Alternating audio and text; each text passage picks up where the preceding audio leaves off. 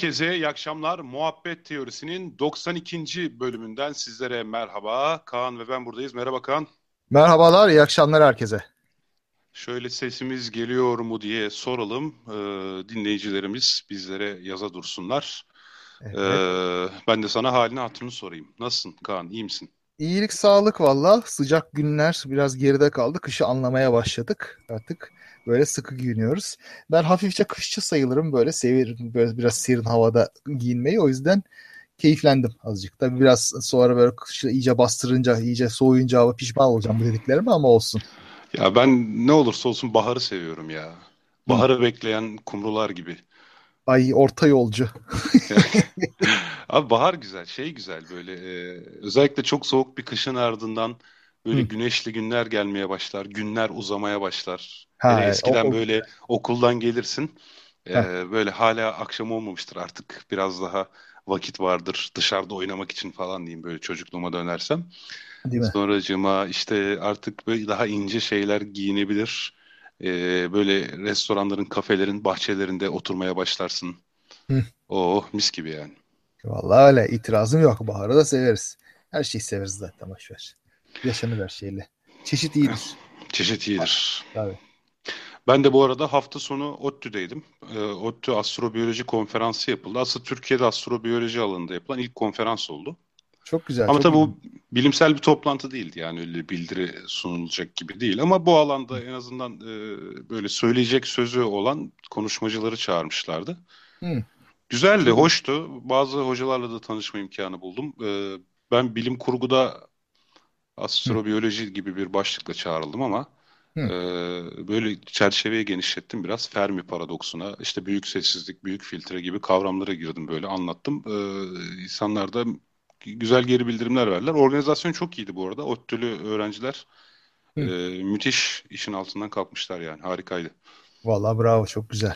Buradan ODTÜ kendilerine teşekkür var. edeyim. Tabii ODTÜ üniversitelerimizden biri hala her şeye rağmen. Takdir ediyoruz her zaman. Evet, tüm baskıya rağmen üzerlerindeki diyelim. Evet, herkes yavaş yavaş geldiyse haftanın Hı. haberlerine başlayalım mı? Ne dersin? Başlayalım, başlayalım.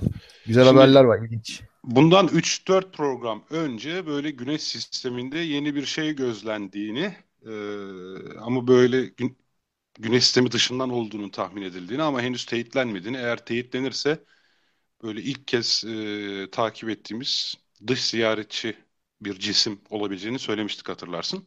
Evet. O teyit edildi. Evet arkadaş gerçekten dışarıdan geliyormuş.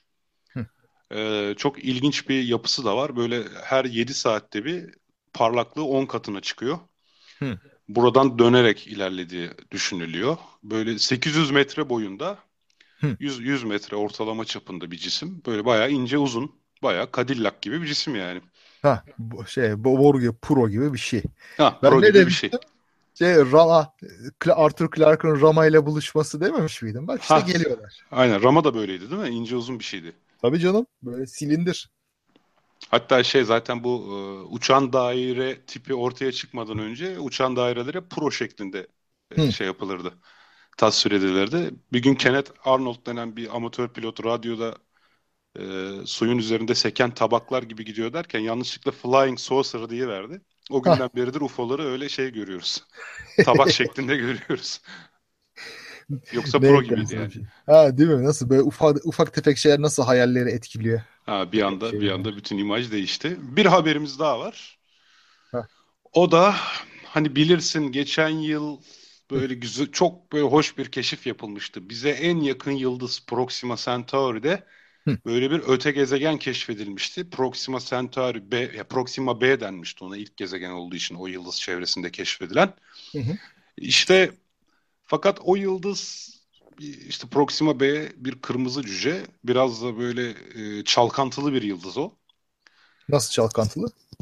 Şimdi astronomide bir tabir var. Uzman olduğum için tarif edemem ama yıldızın sakinliği adı verilen bir şey var. Sakinlik düzeyi. Hı. Ee, tranquility. gibi bir şey mi? Ee, yüksek olasılıkla. Yani emin Hı. olmadığım için bir şey söyleyemiyorum. Tranquility Hı. deniyor buna e, terim olarak. E, tran hatta bu konudan konuya atlıyor gibi olacağım da önümüzdeki sene gönderilecek bir uzay teleskobu var James Webb diye. Hı hı. O mesela bu sakin yıldızlar önünden ancak sakin yıldızlar önünden geçen gezegenlerin e, atmosferlerine spektrometrik analiz yapabilecek. Hı. Bayağı güçlü bir teleskop. Öte gezegenlerden bahsediyorum. Çok güzel. Düşün, yani uzak yıldızların önünden geçen gezegenlerin e, atmosferindeki biyo imzaları araştırabilecek. Yani of. oksijen, indirgenmiş metan falan filan. Hiçbir şey. Ee, müthiş bir şey. İşte o da ancak sakin yıldızların etrafında yapılabiliyor diye okumuştum. Hata bende girip şu sakinlik neymiş tam bir detayına bakmadım da. İşte velhasıl bu Proxima biraz Proxima Centauri sakin olmadığı için bu etrafında dönen gezegenini ölümcül düzeyde ultraviyole e, ve X-ray ışınlarıyla dövüp duruyor. Hı. Tamam. Bu da tabii orada bir bizim bildiğimiz anlamda bir yaşam olma olasılığını düşürüyor. Tamam. Ama Doğru şimdi bu tamam. ultraviyole ve X ışınıysa yüksek ihtimal güneş gibi aktivitesi e, güneş aktivitesi gibi yani güneş patlamalarının çok olduğu böyle güneşteki fırlamalar ve işte manyetik alanın hızlı değiştiği gibi bir şeydir muhtemelen. Evet evet bir de kırmızı cüce bunlar zaten. Onlar. Hı. Ee, şimdi bu sefer yeni keşfedilen 11 ışık yılı uzağımızdaki Rose 128. Hı. Rose 128 e, ama biraz daha sakin bir yıldız. Ve e, Rose 128'in etrafında yaşanabilir kuşaktaki bu gezegeni öyle şiddetle dövmüyor. Hmm. Yani bir yaşam olanağı verecek kadar sakin. Çok güzel. Dolayısıyla bize en yakın yıldız yani Proxima Centauri etrafındaki Proxima B olsa da hı hı. yakınımızda yaşam bulmayı ümit ettiğimiz en yakın yıldız artık bu. Rose 128 B. Anladım. Güzel. Yüzey sıcaklığı da eksi 60 ila 20 derece arasında diye tahmin ediliyor. Hı, güzel. Peki karşılaştırma olarak şimdi e, bu çok mu düşük, çok mu yüksek? Mesela dünyanınki ne kadar tahmin? Dünyanınki 16 derece ortalama. He. Mars'ınki eksi 55 derece. Aa. Bu da eksi 60 ile 20 arasında olduğuna göre böyle Mars'la Dünya arasında bir yerde. Ha. Anladım. Olacak. En yani, kötü Mars, en iyi e, Evet, evet, aynen öyle. Aynen. Hele bir gün senle oradan yayın yapmak istersek işte kış kış insanıysan sana yarar. Eğer biraz daha yükseklik, sıcaklık yüksekse bana yarar. Yani ikimizden birine mutlaka uyuyor. Hadi bakalım. İyi. İlk yemeği atlayalım o zaman. Anca gideriz. Evet. Ve dolayısıyla bu arada Rose 28B'de işte dünya dışı yaşam arayışında böyle birinci sıraya yerleşiverdi. Top 10 listesinde. Çok Hızlı güzel. çıkış yaptı. Vallahi öyle. Aa çok güzel. İyi var, iyi bari. Eh, astronomi haberleri bu kadarsa ben de daha dünyevi haberlere geçeyim o zaman. Geç abi geç. Dünya ahiret Heh. podcast e, yoldaşımsın. Buyur abi. bu arada sen geçmeden hemen şey söyleyeyim. Avenger salı değil mi bugün ya demiş de artık salı günü yapıyoruz. Hı. Sevgili Avenger. Onu da hemen bildiri vereyim. Evet. Salı sallanıyor dediler. O sallantıyı durdurmak için müdahale ettik. Evet. Şimdi e, çok ilginç bir veri bilimi uygulaması yapılmış arkeoloji ve tarih bağlamında. Çok hoşuma giden bir şey, inceleme. E, Washington Post'ta ve başka yerlerde de haberi oldu. Makalesi de var. Bir e, taslak halinde. Bayağı da genişçe bir şey. Hepsini okuyamadım ama okuruz. Şimdi olay şu efendim. Antik çağda tabii e, 4000 yıl öncesinden falan bahsediyoruz. Tunç çağında. Anadolu'da değişik değişik şehirler var. Bazıları bugün bildiğimiz yerlerde keşfedilmiş, bulunmuş. Bazıları ama kayıp, bilinmiyor. Şimdi evet. e, bunlar içinde en ünlülerinden bir tanesi Haneş. Yani Kültepe diye biliyoruz biz. Bugünkü Kayseri'de. Burada evet. e, bu işte e, o dönemde Tunç çağında bir ticaret merkezi. Kayseri her zaman Kayseri yani. Eskiden de şimdi de hep ticaret merkezi. Ve orada bu ticaretle ilgili binlerce e, çivi yazısı kayıt var. Kil tabletler var. İşte şu şehirden bu geldi. Bu şehirden işte şu kadar koyun geldi. Bu şehirden bu kadar işte bakır geldi falan gibi şeyler. Şu kadar ödendi. Bir sürü kayıtlar, bir sürü kayıtlar. Şimdi bu tabii kil tabletlere bakarak tarihçiler nerede ne varmış çıkartmaya çalışıyorlar mesela coğrafi özelliklerden işte başka özelliklerinden kayıp olan şu anda bilinmeyen şehirlerin yerlerini tahmin etmeye çalışıyorlar.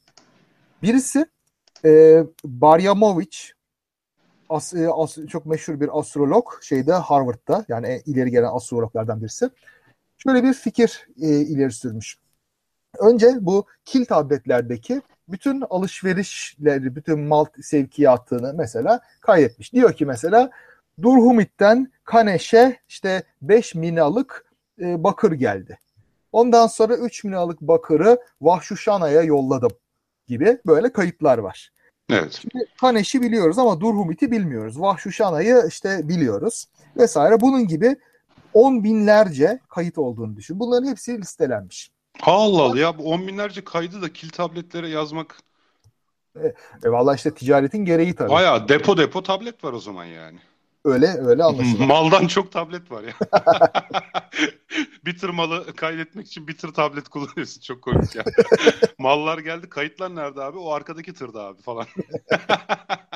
Değil mi? Katarlardan böyle yarısı eş, eşeklerin yarısı mal yüklü, yarısı tablet yüklü. Zaten kağıdı öyle bulmuştu abi. Böyle olmayacak. Navlunlar iki katına çıkıyor.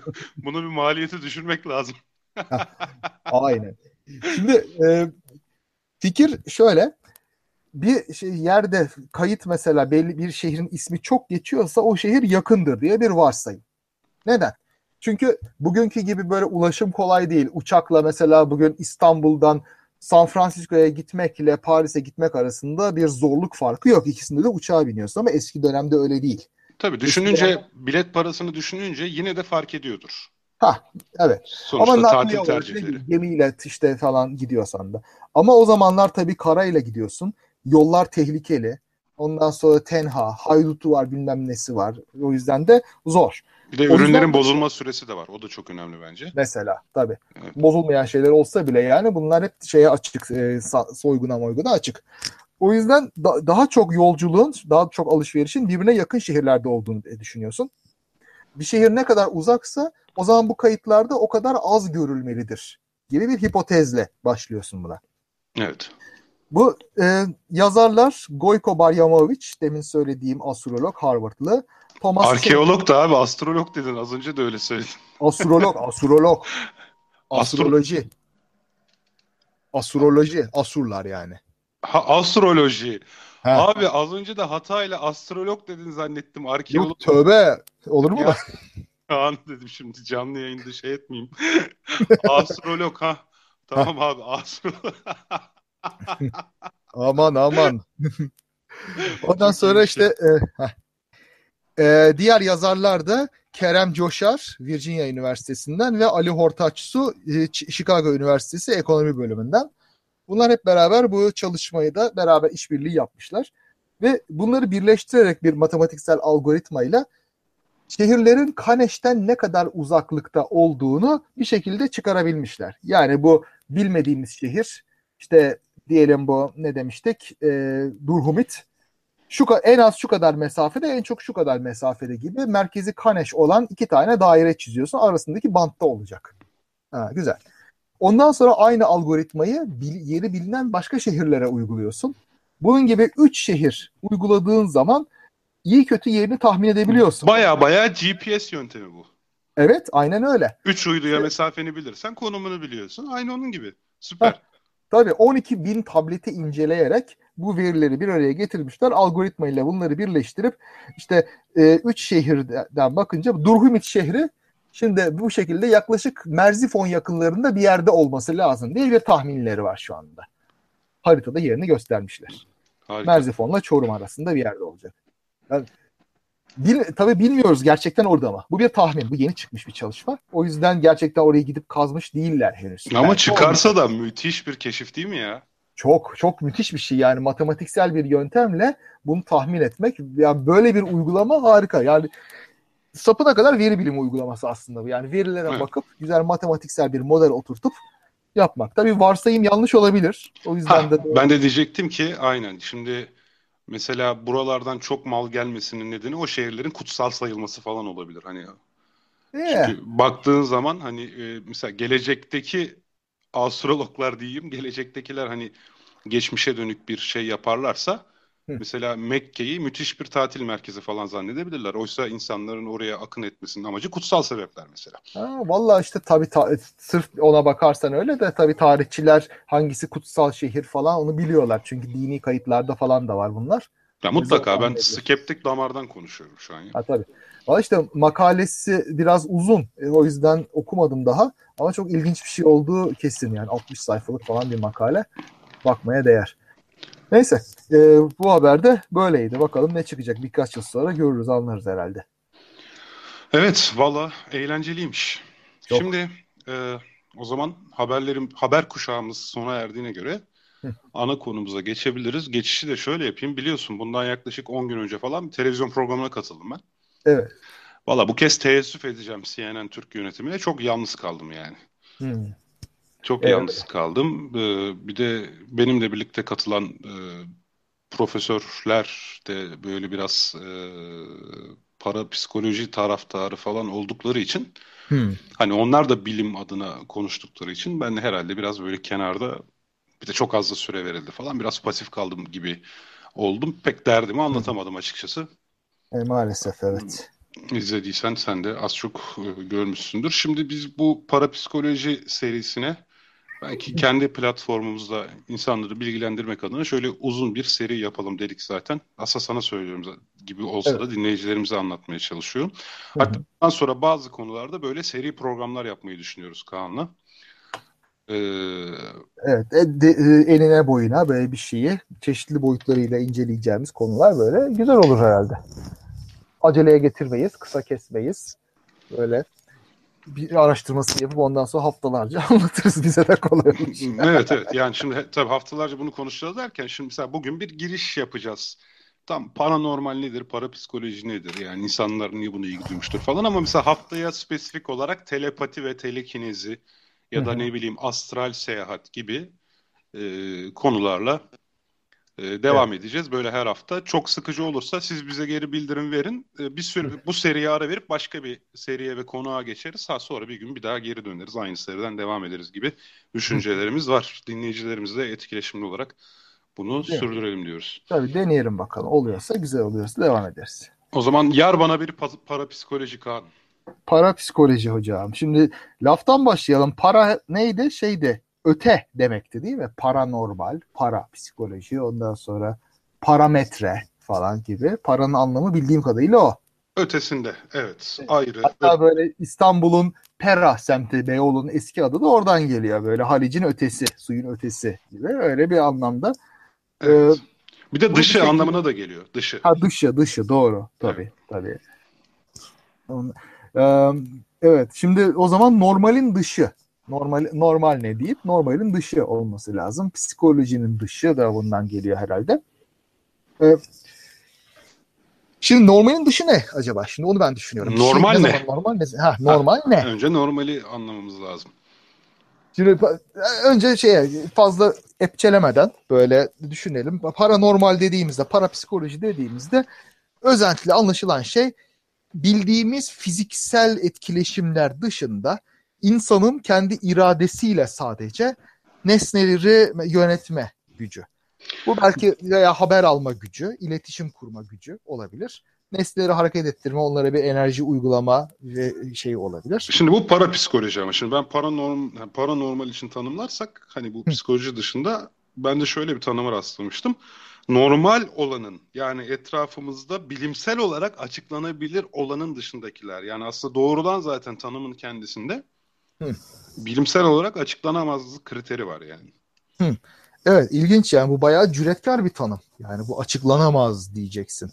Mesela açıklandığı zaman o artık paranormal değil normal mi olmuş olacak söz gelişi. Bir anlamda zamanında Olimpos Dağı'ndaki ateş insanlara paranormal geldiyse şimdi normalin sınırları içerisinde diyebilir miyiz? Hmm. Eh, e, bilmem ki. Yani o zaman ona paranormal demek belki doğru değil. Henüz bilmiyoruz demek doğru. Bir de gerçekten böyle bir şey var mı diye sorarak başlamak lazım herhalde. Yani aa bu normal fizik şeyleriyle açıklanamaz yani, diyene kadar önce henüz böyle açıklanamaz bir şey var mı? olabilir belki. Yani şimdi şöyle bir şey. Burada hani e, paranor bir şeye paranormal demek onu meşru ve kesin olarak gerçekleşti anlamında e, belki de söylemiyoruzdur.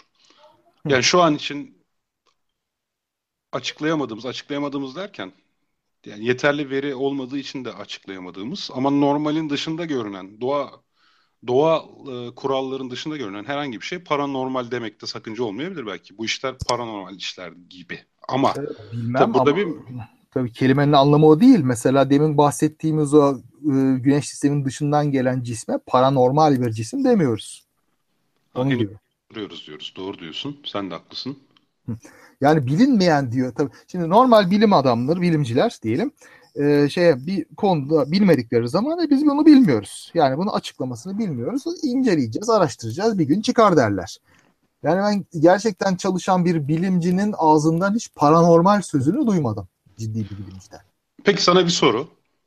Şimdi mesela Carl Sagan'ın Karanlık Bir Dünyada Bilimin Mum Işığı Hı-hı. kitabında bu uzaylılar tarafından kaçırıldığını iddia eden, Hı. hipnoz yapıldığında gerçekten iyi kötü sana bir şeyler anlatan e, meselelerle e, şeylerde ilgileniyor. Bu Amerika'daki skeptik olayları araştırma komitesi SAGA'nın falan da içinde olduğu. Mesela bunlarla ilgileniyor ve bunlar, onlar da bunları tasnif ederken paranormal olaylar diye mi tasnif ediyor acaba? Ee, bilmem. Belki halkla ilişkiler açısından onu söylüyor olabilirler ama çalışma usulleri açısından herhalde Aa, bu neden böyle bir şey düşünülüyordur? Yani ki bu arada zaten hangi dernek... özelliği bunu yaratıyor? Böyle bir düşünmelere sebep oluyor gibi bir e, çalışma hipoteziyle gittiklerini ben düşünüyorum. Aa, bu arada bölüyorum ama zaten onların komitesi şey kurdukları komitenin adı paranormal olayları araştırma komitesi değil miydi ya? Öyle miydi? Olabilir. Doğrudur.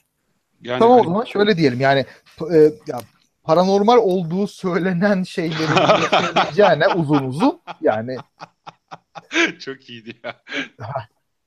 o yüzden tamam, yani. Haklısın haklısın. Biraz kısaltma da olabilir. Yani paranormal şey oldu. Sözde paranormal Sözde paranormal. ee, şey demek istiyorum.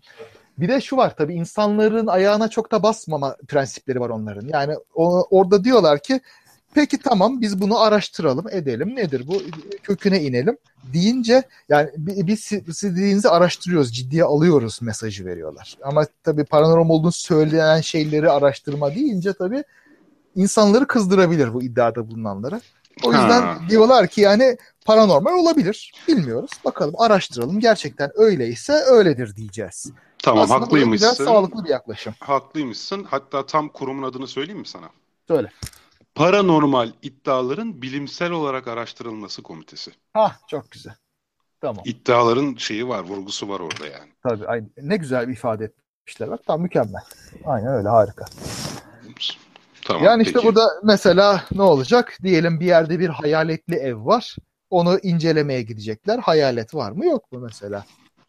veya işte birisi ben geleceği görebiliyorum veya işte Hı-hı. şeyleri atılan zarları yönetebiliyorum veya senin tuttuğun kartı tahmin edebiliyorum falan diyorsa tamam güzel hadi bunu deneyelim. Tabii bunun için deney tasarımı yapmak lazım. Ondan sonra e, şey emniyetli bir şekilde hile yapılmasını engelleyecek önlemler almak lazım. Olabilecek hileleri öngörmek lazım. Mesela böyle şeylerde göz bağcıların rolü büyüktür biliyorsun. Evet evet evet. James Randi mesela meslekten göz bağcıdır. Sihirbazdır yani. Evet evet. Hatta sadece onlar değil ilk mentalistler de sihirbaz. Evet.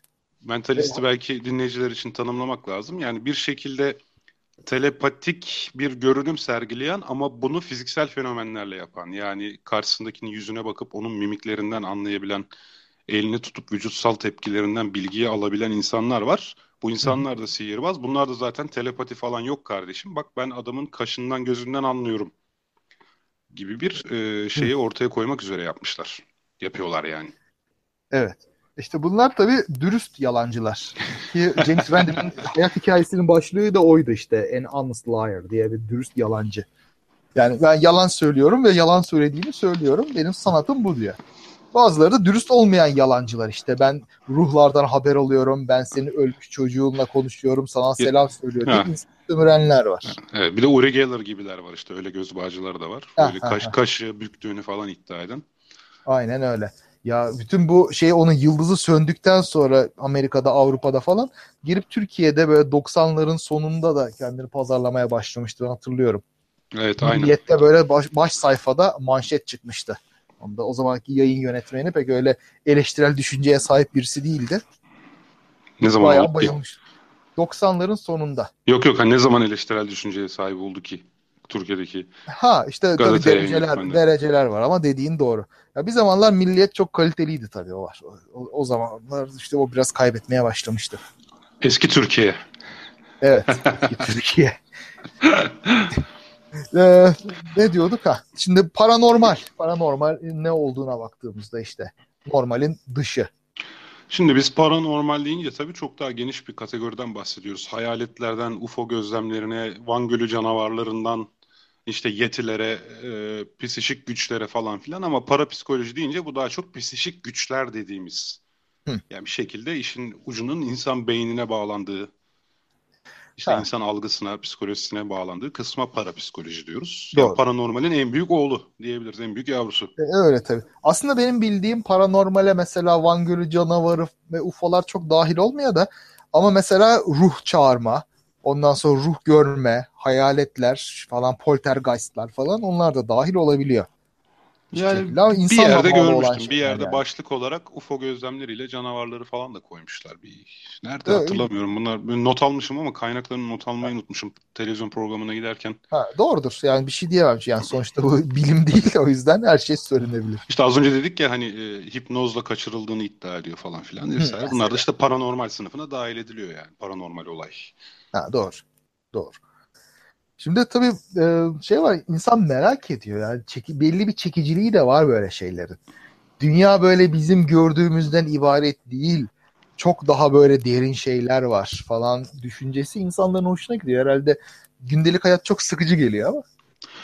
Ya evet. Evet. Şöyle bir şey var. Burada bunlar hani modern zaman mitleri diyebileceğimiz şeyler. Eskiden de insanlar ticaret tanrısı işte Zeus, Meus böyle elinde yıldırımla oraya buraya atabilen e, ya da işte e, hayvanlarla konuşabilen falan filan insanlar hayal ediyordu zaten böyle güçleri olan. Evet. E, günümüze geldiğimiz zaman buna bu sefer mitoloji demiyoruz da parapsikoloji diyormuşuz gibi geliyor. Bana baktığın zaman aynı ihtiyacı karşılıyor gibi geliyor. E, Biraz öyle tabii. Hatta çok da güzeldir bu. Yine Carl Sagan'ın Karanlık Bir Dünyada Bilimin ışığında Carl Sagan şeye dikkat çekiyordu. Böyle 16. yüzyıldaki Meryem görme vakalarıyla günümüzdeki UFO görme vakalarının Hmm. birbirine ne kadar benzediğine falan dikkat çekiyordu. Değil mi? Tabii. Tabii. Şeyde ya sanki mesela- her dönemde her dönem kendi mitini üretiyor gibi geliyor bana böyle. Evet tabii paradolya işin içine giriyor. İşte istekler işin içine giriyor. Görmek istediğini görmek. Ve her dönemin kendi ruhuna uygun bir görme kalıbı var. Eski çağlarda mesela işte melek gördüğünü söylüyor. Daha sonra işte başka şeyler. Ondan sonra UFO vesaire. Bunlar hep aynı şeyin değişik tezahürleri tabii. İlginç yani insanlar yani bir olağanüstülük hep arıyorlar. Geçen de benim ufaklık işte soruyor bana. "E, baba bizim işte süper güçlerimiz olsa ne kadar güzel olurdu değil mi? Ben de diyorum var bizim süper güçlerimiz. Nasıl yani diyor. Bak işte iki ayağımız üstünde saatlerce saatlerce devrilmeden yürüyebiliriz. Abi çok sıkıcısın ya.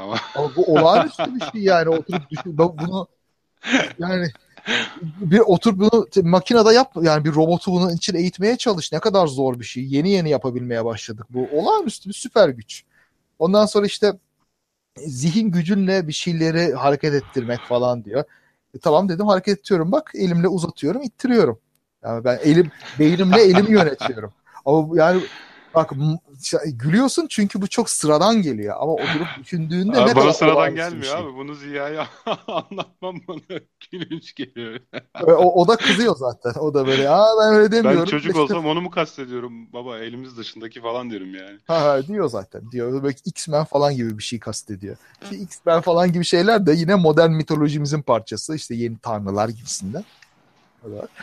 Yani ama Evet, işte şunu demek istiyorum. Paranormal çekiciliği aslında bizim aslında normal hayattaki süper güçlerimizi de çok alışmış olmamız. Onun süperliğini unutmamız ve Aa, ötesi olmalı, daha derini olmalı gibi bir arayış belki de.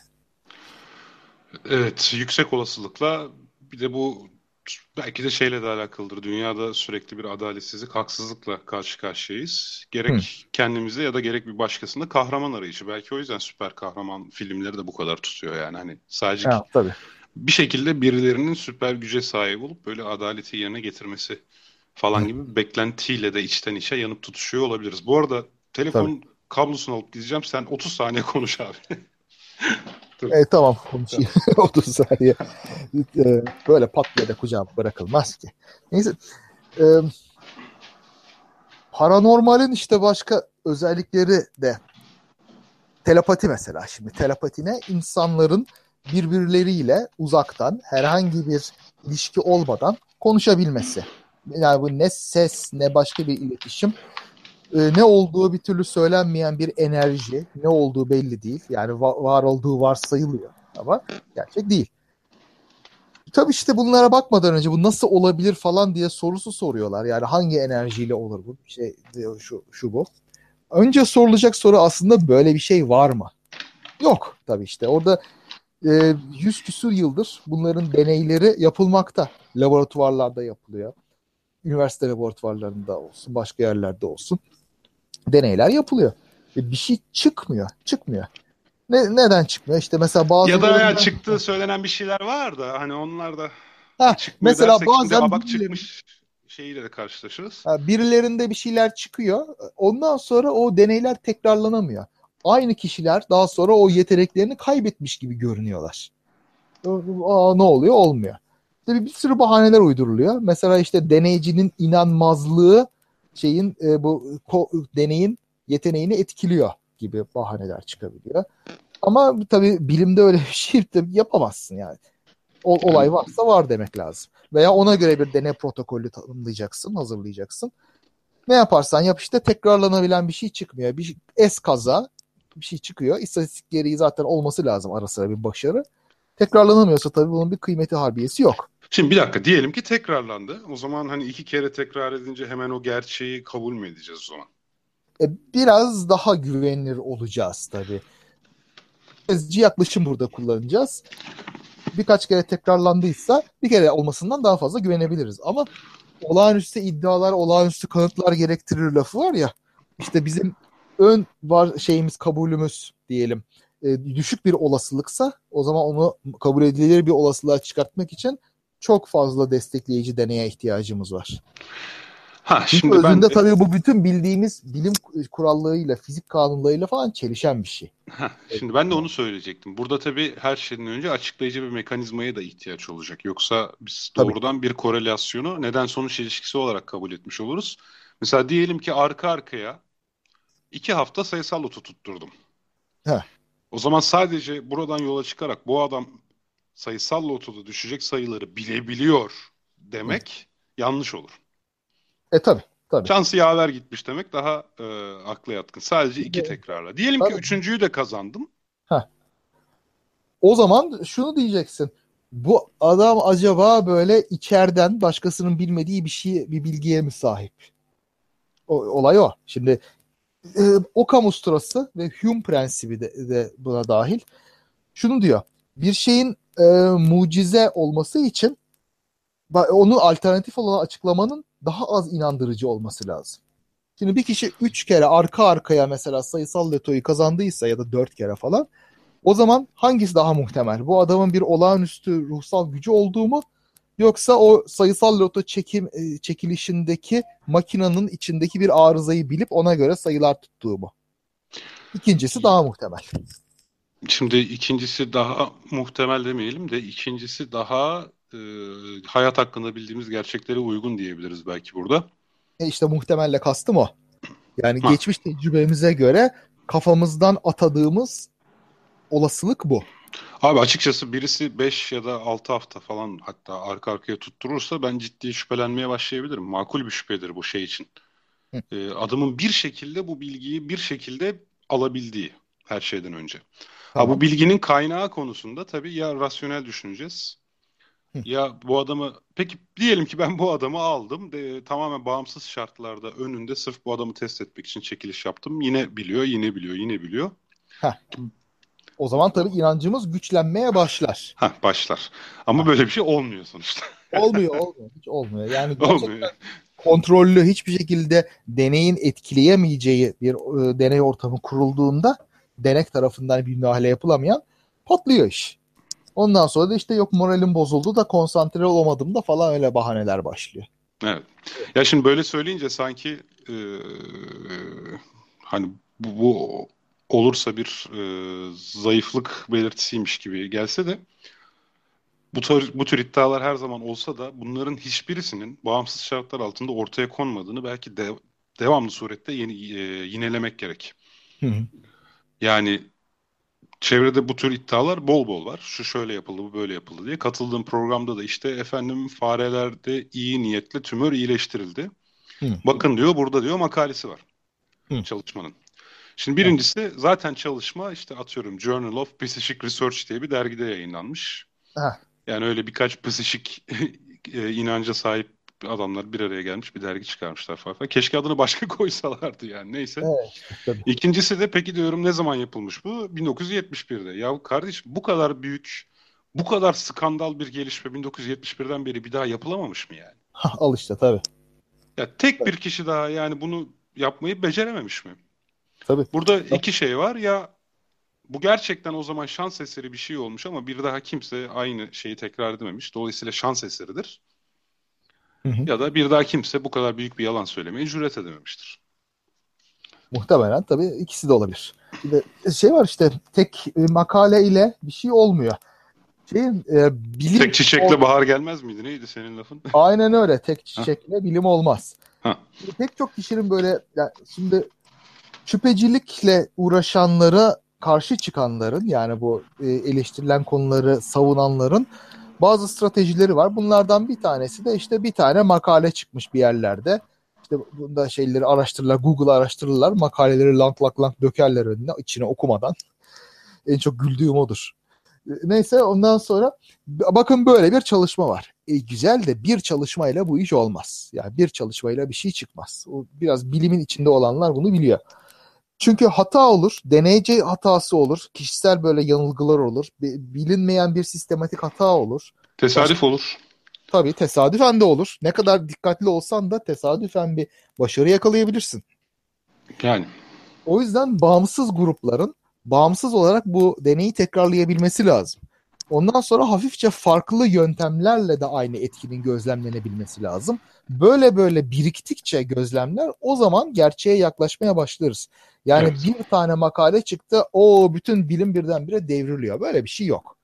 Evet. Çünkü bizim bir dünya şeyimiz e, dünya hakkının işleyişine dair bir resmimiz var ve bu milyonlarca kere bu hem teknolojimizle hem bilimsel çalışmalarımızla gösterilmiş. Yani beyinden beyine giden bir iletişim hattı yok. Böyle Gönülden gönüle var ama. Gönülden... Senle aramızda var evet. Dinleyicilerimizle de var bak şimdi ama internet aracılığıyla o. Wi-Fi ile gidiyor. Şimdi yani evet durup dururken burada otururken kafamıza piyano düşmesinden endişe ediyor muyuz? E, yok. Etmiyoruz. Yani milyonda bir de olsa böyle insan... Baktın mı? Milyonda bir bile olsa dünyada böyle milyarda bir bile olsa insanın oturma odasındayken birden kafasına yukarıda piyano düşebilir gibi bir olasılık bile var mı? Yok Eyvah. olsaydı 7 milyar insan var en azından işte hani 7 kişinin başına gelmesini beklerdik. Ha e, öyle doğru. Yok abi milyarda doğru. bir bile hani şeyden bahsediyorum ya ben paranormal bir piyano düşüşme, düşmesinden bahsediyorum. Ha o şekilde tabii çok yani, doğru. doğru. Üzerimdeki duvar yıkılır üst komşumda piyano vardır düşer. Hani e, bir. ikincisi hani sen dedin bir çiçekle bahar gelmez. Şimdi bu hani P değerine bakılır ki aslında o bile çok tartışmalı artık bu arada. Çok yani çok. Artık. Meta tarafında. Ama hani evet. hani P %95 anlamlık düzeyinde yani P'nin 0,05'ten küçük çıkması herhangi bir veri setinde sayısal lotodan sayısal loto tutturmaktan kat be kat yüksek bir olasılık. Tabii tabii. Kat be kat. Her hafta sayısal loto tutturan var. Hı hı. E, o Tabii. zaman yani her hafta yanlışlıkla P 0,05'ten küçük çıkan bir çalışma olabilir zaten. Hı hı. Tabii. P 0.05 demek zaten. Ee, nasıl şöyle diyeyim. Bir deneyimiz denek var. O denekte telepatik güçler var. Bizim hipotezimiz. Bir de evet. sıfır hipotezi var. Böyle bir telepatik güç yok ve bizim gördüğümüz de- veriler rastgele olarak alınmış veriler. Yani rastgelelik e, sonucu ortaya çıkmış veriler. Hip, e, sıfır hipotezi bu. Şimdi evet. P değeri şunu veriyor. Sıfır hipotezi doğruysa yani hiçbir şekilde böyle bir e, hipotez geçerli değilse varsayımımız yanlışsa e, bu verileri elde etme olasılığı nedir? 0.05 ise bu %5 olasılıkla biz bu verileri elde ederdik yine. Başka bir anlamı da şu. Aynı deneyi 20 kere tekrarlasak bir kişide çıkacak demek ki bu şeyler olumlu sonuç. 19 evet. çıkacak bir kişide çıkacak. Mesela p-hacking denen şey de biraz o. Yani doğru sonucu elde edene kadar deneyi tekrarlamaya p-hacking deniyor. Do- evet. şeyle başarısız sonuçları vermiyorsun. Sadece başarıları veriyorsun. O zaman da aa var öyle bir şey çıkıyor. Bir tür sabunlama. Ha, mesela evet. Deneyi tam yani... istediğin sonuç ortaya çıkınca durdurunca mesela öyle ah, bir şey çıkıyor. Ah, mesela tabii, diyelim tabii. ki 29 kere yaptın yaptın istediğin şey 30. da denk geldi. Hop deneyi orada durdur en eşittir 30'da böyle oldu da. Evet. İşte bu yüzden böyle sebeplerden dolayı P değeri veren makaleleri artık pek e, kabul etmiyorlar. American yani... Psychological Association mesela dergilerinde kabul etmiyor artık P değerini. Güven aralığı vereceksiniz. Diyor. Evet. En azından salt P değerine bakılmıyor. Doğru. Evet. Güven aralığı, standart sapma P vesaire bu gibi şeyler. Hatta bir de galiba Bayesian bir test yolu da var. Evet. O da o şey artık P değeri yerine o tercih edilmeye başlandı diye bir makale okumuştum. Hı. Surrogate Science diye bir makaleydi galiba. Surrogate Science diye. Hı. Onlar artık çok istatistiksel detaylar. Onlara ayrı bir zaman ayırırız. Evet. Bu arada yeri gelmişken şeyi söylemek isterim. Geçenlerde tweet zinciri olarak yazdım da gözden de kaçmış olabilir. Podcast dinleyicilerimize de gitsin. Bu hani olağanüstü iddialar olağanüstü kanıtlar gerektirir diye bir Sagan prensibi vardır. Doğru. Şimdi aslında bu e, Sagan'a ait değildir. Evet. Sagan'ın yine kankası bu az önce bahsettiğimiz komiteden kankası Marcello Turizi'ye aittir aslında bu olağanüstü iddialar, olağanüstü kanıtlar gerektirir diye. Hı hı. Fakat tarihte biraz daha geriye gidersek hatta en geriye gidersek böyle bir fikri öne süren ilk kişinin Laplace, matematikçi Laplace olduğunu görürüz. Öyle mi? Hmm. Olağanüstü bir iddia için sunulan kanıtın ağırlığı iddianın ilginçliğine uygun nispetli olmalıdır diyor. Hmm. Evet. Ve Laplace olasılık hesabını yaratan matematikçilerden bir tanesidir. O bağlantıya da dikkat çekeyim yani. E, çok yakından ilişkiler var burada demin konuştuğumuz şeyle ilgili. Evet. Daha sonra David Hume çok daha güzel bir şey söylüyor. Bu benim çok hoşuma gitmişti. Bu da bir kriter olarak. Evet. Bir kanıtın bir mucizeye işaret edebilmesinin koşulu. Hı. O kanıtın yanlış olmasının daha büyük bir mucize olmasıdır. Yani bu kanıt öyle bir kanıt olacak ki. Hı. Hani bu kanıt yanlış olsa daha büyük mucize olacak. Tabii. İşte demin dediğimde biraz o. Yani şey arka arkaya üç kere sayısal lotoyu kazanması. Şimdi bir tanesi şey olacak e, gerçekten bir olağanüstü paranormal gücüyle olacak. Başka bir tanesi sahtekarlık olacak. Hangisi daha şaşırtıcı? Tabii ki paranormal gücü olması. O yüzden evet. de sahtekarlıkla gidiyoruz. Evet.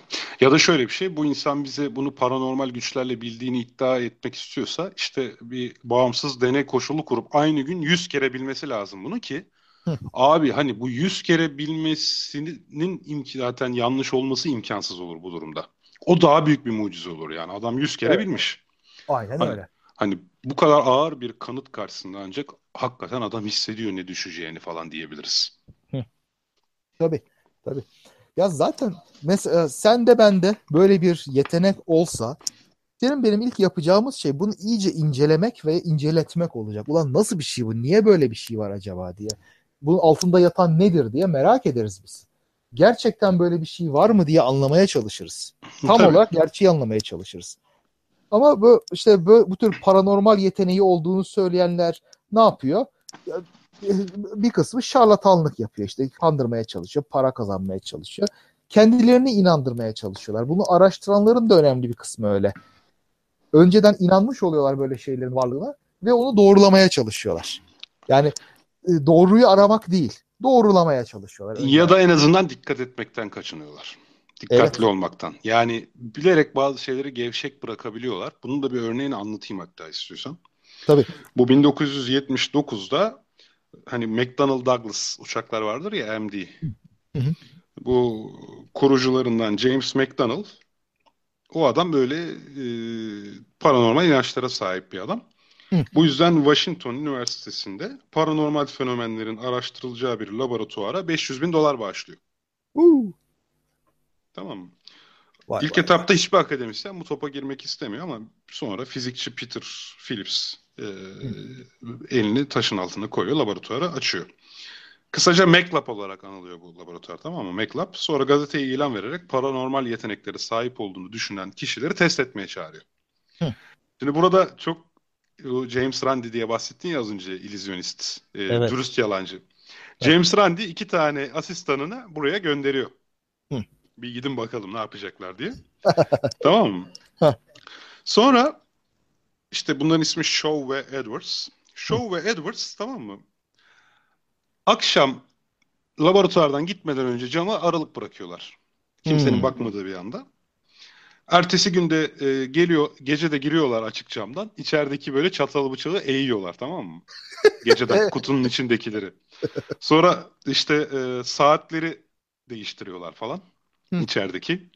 Ondan sonra e, ka- içerideki işte kahve telvelerine falan böyle gizemli semboller falan çiziyorlar. Geri gidiyorlar evlerine. Sabah bir geliyorlar. Bütün laboratuvar bir bakıyor ki ulan saatler değişmiş. Kutuların içerisindeki çatal bıçak bükülmüş. Kahve fincanlarında falan böyle şeyler, işaretler, işaretler falan. Sonra yine aynı şekilde Shaw ve Edwards'ın zaten böyle güçleri olduğunu acayip inanıyorlar tamam mı oradakiler. Bir ara bunlara of. kapalı bir zarf verip resmin içinde ne olduğunu bilmelerini istiyorlar ama dışarı çıkıyorlar. Bunları yalnız bırakıyorlar yani içeride. Of. Yani dediğim gibi eğer bu konuyu gerçekten sınamak istiyorsan bu adamları içeride yalnız bırakmazsın öyle değil mi? Tabii. Bırakıyorlar. Bunlar da böyle zımbalı zaten. Yani tek aldıkları önlem zımba tamam mı? Zımbayı böyle özenle açıyorlar. Resmin içinde ne oldu, zarfın içinde ne olduğuna bakıyorlar. Zımbayı geri kapatıyorlar falan. Az sonra adamlar geliyor. İşte bu zarfta tren resmi var. Mahsustan 10 tanesinden 2 tanesini de bilemiyorlar böyle kandırmak için. 8'ini biliyorlar da ikisini bilmiyorlar falan filan. Tabii Shaw ve Edwards böyle acayip meşhur oluyor tamam mı? Zarfların içindeki resimleri de biliyorlar. Bunların artık paranormal güçlere sahip olduğu kesin. Neyse en sonunda Randy durumu açıklayınca tabii mort. Bütün proje iptal. bu, bu yolla çok güzel gösteriyor yani. Bir nevi sokak şakası olmuş bu da. Aynen öyle bir nevi sokak şakası. Şimdi bu, müthiş ya. Bak burada bir şey daha görüyoruz. Bilimciler yalanla uğraşmaya alışık değillerdir. Bilimciler doğayı incelerler veya insanları deney, deney ortamında incelerler ama böyle e, inceledikleri şeyin onlara yalan söylemesine, bilerek sattırmasına falan alışık değiller. Ona hazırlıklı değiller. Bunu da görüyorsun işte bak tek başlarına bırakmışlar. Bunlar bunu açar bakar falan dememişler. Ya bence fizikçi dediğime bakma yani bu bağışı alıp da işin içine girdiyse biraz belki o da inançlıdır. O olmadı asistanları falan kesin yani paranormal inançlara sahiptir yani bence. Yani Bence evet. tam tersine biraz hani kendini teyit etme duygusu. Çok sıkı bir kontrol uygulamıyorsun ki öyle bir sonuç açığa çıksın istiyorsun. 500 bin dolarda bağış yapılmış. Ertesi gün gazetelerde haber olma şansın var. İnsanları bunlar cezbediyor olabilir yani. Çok doğru diyorsun işte ama iyi bilimde her zaman kendini çürütmeye çalışırsın. Acaba ben işte bu kendimi nasıl yanlış çıkarırım, yanlışım nerede diye bulmaya çalışman lazım. Çünkü sen bulmazsan başkası bulacak. Yani seni başkası rezil edeceğine önce kendi hatanı kendin bul ki sağlam iş yapasın. Çünkü en sonunda çıkıyor ortaya. Ya şöyle şimdi ben hani Python'la uğraşıyorum ya. Hı. Bir şey yapmaya çalıştım. Bugün yapabildim tamam mı? Tabii. Yapabilince bir dakika bu kadar kolay yapmış olamam diye düşünerek tekrar kontrol için yarım saat harcadım. tamam işte. Bak, tamam, bak bu bilimci yaklaşımıdır. Yani çünkü hani ben yeni öğrendiğim için bu kadar kolay yapabileceğimi düşünmüyordum. İlk hipotezim buydu. Beni şaşırtan bir şey olunca Hemen Hı. bununla e, bunu kabul edip övünme veya şey yapma, gururlanma aşamasına falan geçmiyorsun. Bir dakika diyorsun. Tabii. Belki ben yaptı zannetmişimdir ama yapmamıştır. Dur bir bunu kontrol edeyim diyorsun. Yani işte ya bu, de... bu, bunu her yere yayman gerekiyor. Tabii. Yerde. Bak yeri gelmişken iyi bir yazılımcının yaklaşımı da tam olarak iyi bir deneyci bilim, bilimcinin yaklaşımıdır. Her zaman yaptığın şeyin hatasını bulmaya çalışırsın. Programını çökertmeye çalışırsın ki e, ondan sonra normal şartlarda çalıştığında bir problem olmasın. Hatayı bulmaya çalışır iyi bir programcı. Aa oldu bu tamam deyip göndermez. Yoksa eninde sonunda patlayacaktır o program. Bir hata çıkacaktır. Bu arada Cem Hoca da bizi dinliyor galiba. Retweet yapmış. Ee, yapmaya çalıştığım program Machine Learning ile verdiğim bir köşe yazısının Cem Say'a mı yoksa bana mı ait olduğunu çıkarmaya çalışması. Bunu başardım yani.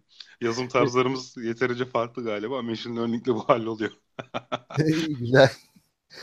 Bir, de, bir kendine otomatik bir köşe yazısı yazacak bir program da yaz. Oh bas düğmeye ondan sonra gönder.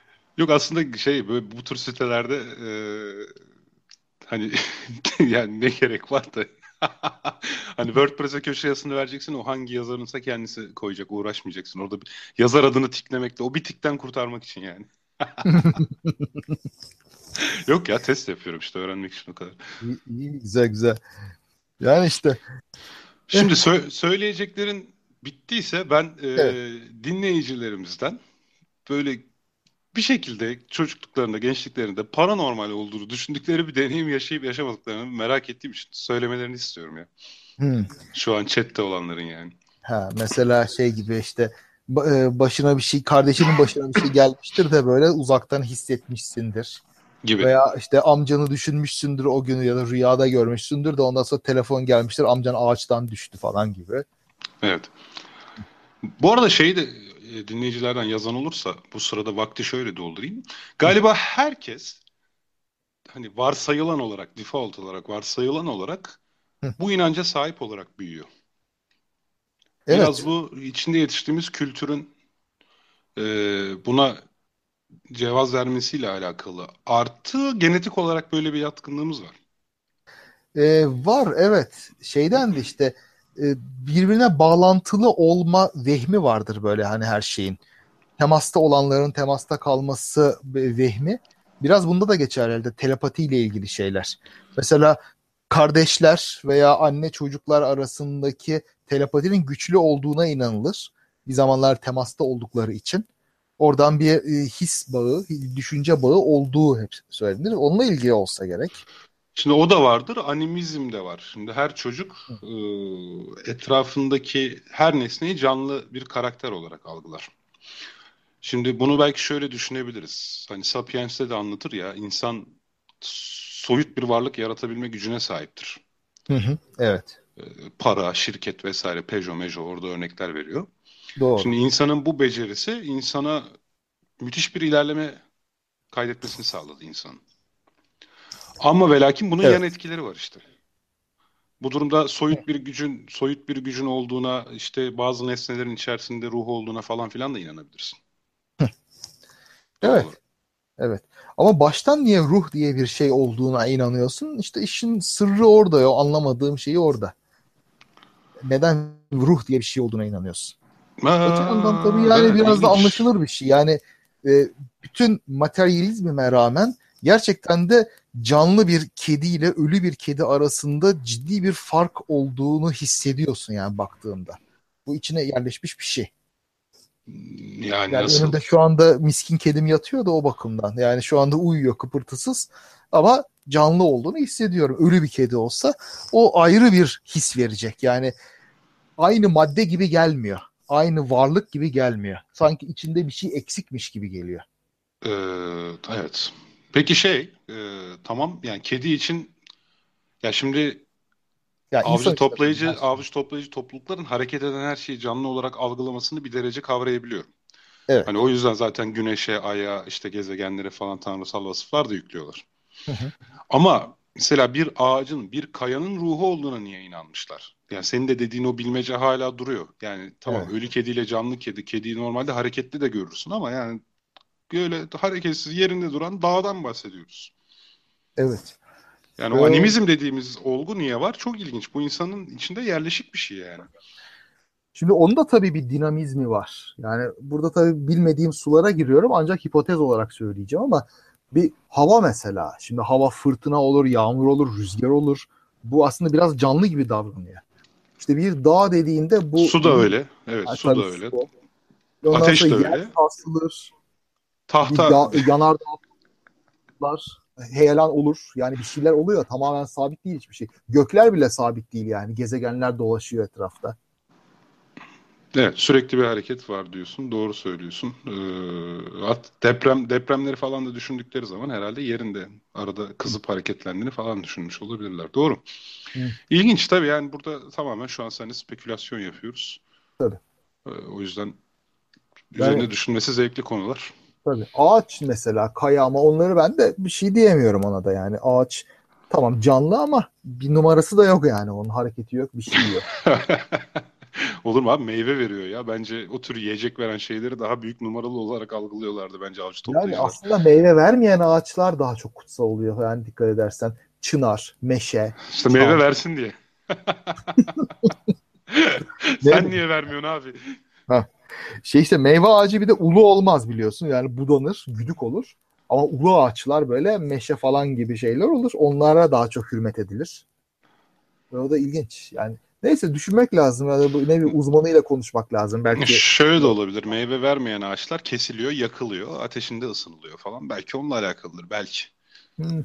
Hani onlar evet. daha Yok ama kutsallık vermek biraz daha farklı bir şey olsa gerek. Bilmiyorum. Gerçekten bilmiyorum. O ilginç bir şey. Neyse bunu biraz böyle araştırıp okumaya değer. Ben de biraz merak ettim animizmin kökeni falan. Bunları bir okuyayım. Evet. Önümüzdeki programa hazırlıklı geleyim. Dinleyicilerimize de dönelim. Sorumuza yanıtlar vermişler. Hasan Basri Dane ben küçükken bir amcaya keşke ölse demiştim. Ertesi gün adamcağız ölmüştü demiş. Aman Hasan Basri lütfen. Ama bize en iyi dileklerini göndereceğini ümit ediyoruz. Delilik Podcast adlı bir e, kullanıcı da babam çok sevdiği bir amcanın rüyasında öleceği zamanın gün ay olarak söylendiğini ve bunu, bu, bunu bir kenara not ettiğini anlatmıştı. Üzerinden bayağı bir zaman geçiyor. Amca öldüğünde notu açıp bakıyor. Doğru. Vay ilginç. Bu da ilginç. ee, Evren yazmış Ak- Akal. Yazlıkta 5-6 çocuk ruh çağırmaya çalıştık. Geldiyse köpek avlasın dedik. Köpek avladı. Işıklar sönsün dedik. Söndü. Üç bir şey diyecek halimiz kalmamıştı. Herkes anında annesinin kucağındaydı demiş. e tabii. İlginç olmuş. Normal. Ee, ya böyle, böyle korkular aslında içimizde çok var yani. Ben de bu kadar şeye şüpheciliğe falan rağmen tek başıma bir hayaletli ev olduğu söylenen bir yerde otursam herhalde bayağı korkarım. Gıcırtasından bilmem nesinden falan. İnsan kuruyor kafasında olmadık şeyler. Evet. insan senaryo yaratıyor böyle. E, basit şeyleri çok süslüyor. Ondan sonra da bir korkulu şeyler çıkartıyor. Kendi kendini korkutuyor aslında insan. Evet ama şimdi hayaletli olduğu söylenen köşkte yine de böyle karanlık ya da basıp düşme riskleri yani korkunu arttıracak rasyonel faktörler de var. Hani bu yaşta yatağının altında bir canavar olduğundan korkmuyorsundur artık. Evet, Ama hani bak hayal var zaten. Öyle bir tehlike yok.